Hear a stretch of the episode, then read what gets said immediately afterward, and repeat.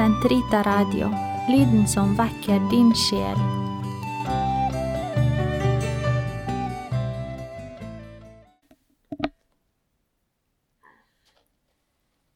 Den katolske kirkes katekisme, uke 42, tirsdag 7.96 til 8.10.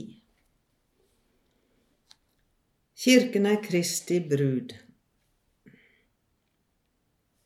Enheten mellom Kristus og kirken, mellom hodet og lemmene på legemet, innebærer også en forskjell dem imellom i et personforhold. Dette aspektet uttrykkes ofte ved hjelp av bildet med brud og brudgom. Kristus som kirkens brudgom ble forberedt av profetene og forkynt av Johannes døperen. Herren selv omtalte seg som brudgommen, Markus 2,19.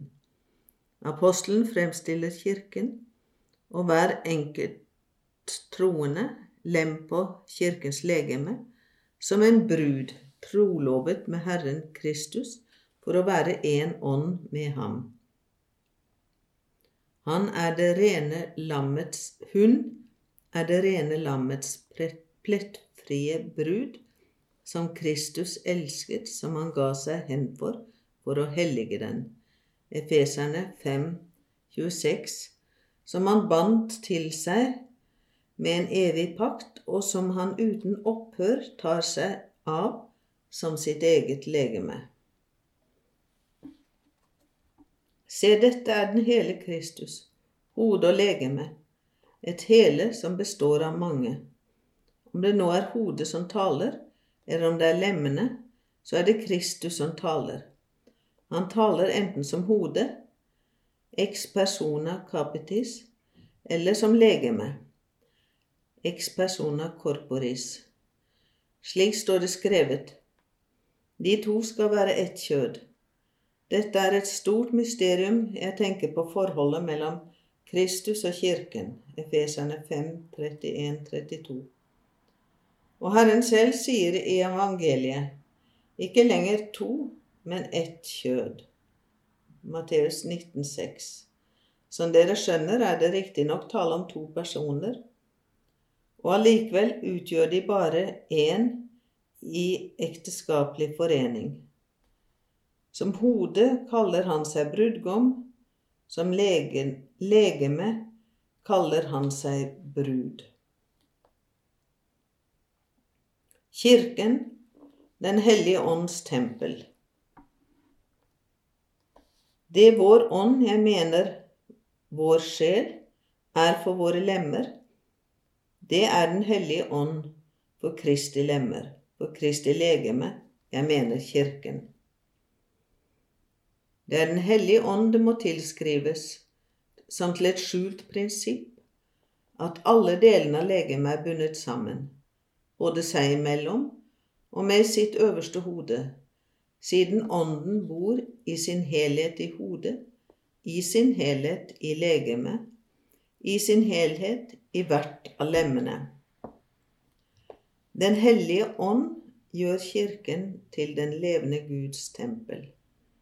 2. kor 6, 16. Det var til Kirken selv at Guds gave ble betrodd.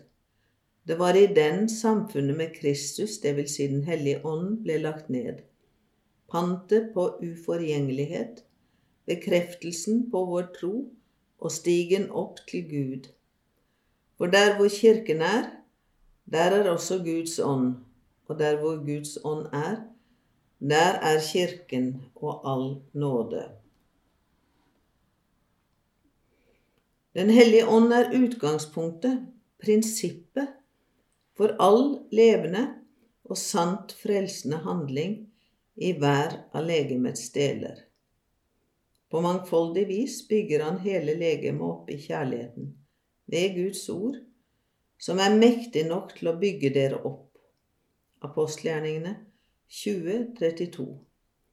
Ved dåpen, som han danner Kristi legeme ved, ved sakramentene, som gir Kristi lemmer vekst og helbredelse, ved den nåde som apostlene har mottatt, som er den største av disse gaver, ved å, ved å gi styrke til å handle rett, og til sist ved mange særlige nådegaver, kalt karismer.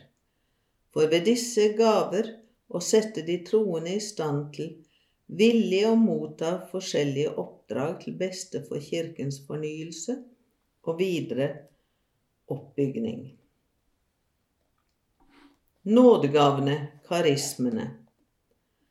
Enten nå karismene er av usedvanlig eller av enkel og hverdagslig art, er de nådegave fra Den hellige ånd som direkte eller indirekte gagner Kirken, rettet som de er mot å bygge opp Kirken og være til gavn for menneskene og for verden. Nådegavene må tas imot med takknemlighet av den som får dem, men også av alle Kirkens lemmer.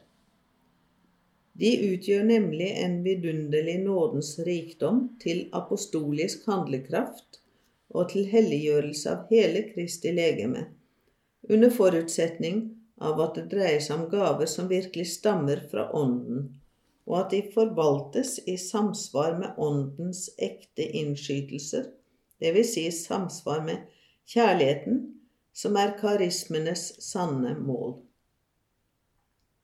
Det er i den forstand det alltid er nødvendig å skjelne mellom nådegavene. Ingen nådegave fritar fra å være henvist til og lydig mot Kirkens hyrder. Det er Kirkens ledere som det spesielt påligger ikke å slukke ånden, men tvert imot å prøve alt og holde fast på det gode, slik at karismene i all deres forskjellighet og gjensidige utfyllelse kan samordnes til det felles beste. Første kor 12.7. Kort sagt Kristus Jesus ga seg selv som løsepenge for oss, for å befri oss fra ondskapens makt, så vi kunne bli rene og være hans eget folk. Titus 2, 14. Dere er et utvalgt folk, et kongelig presteskap, et hellig folk, et folk som Gud kan kalle sitt eget. 1. Peters brev 2,9. Vi opptas i Guds folk gjennom troen og dåpen. Alle mennesker er kalt til Guds nye folk, slik at menneskene i Kristus kan danne en eneste familie, ett eneste Guds folk. Kirken er Kristi legeme. Ved Ånden og Åndens virke i sakramentene, særlig Eukaristien, oppretter den døde og oppstandende Kristus de troendes fellesskap som sitt legeme. Innenfor legemets enhet finnes det en mangfoldighet av lemmer og oppgaver. Alle lemmene er innbyrdes knyttet til hverandre, særlig til dem som lider, er fattige og forfulgte. Kirken er dette legemet hvor Kristus er hodet. Den lever av ham, i ham og for ham. Han lever med den og i den. Kirken er Kristi brud. Han elsket den og ga seg selv for den. Han renset den ved sitt blod.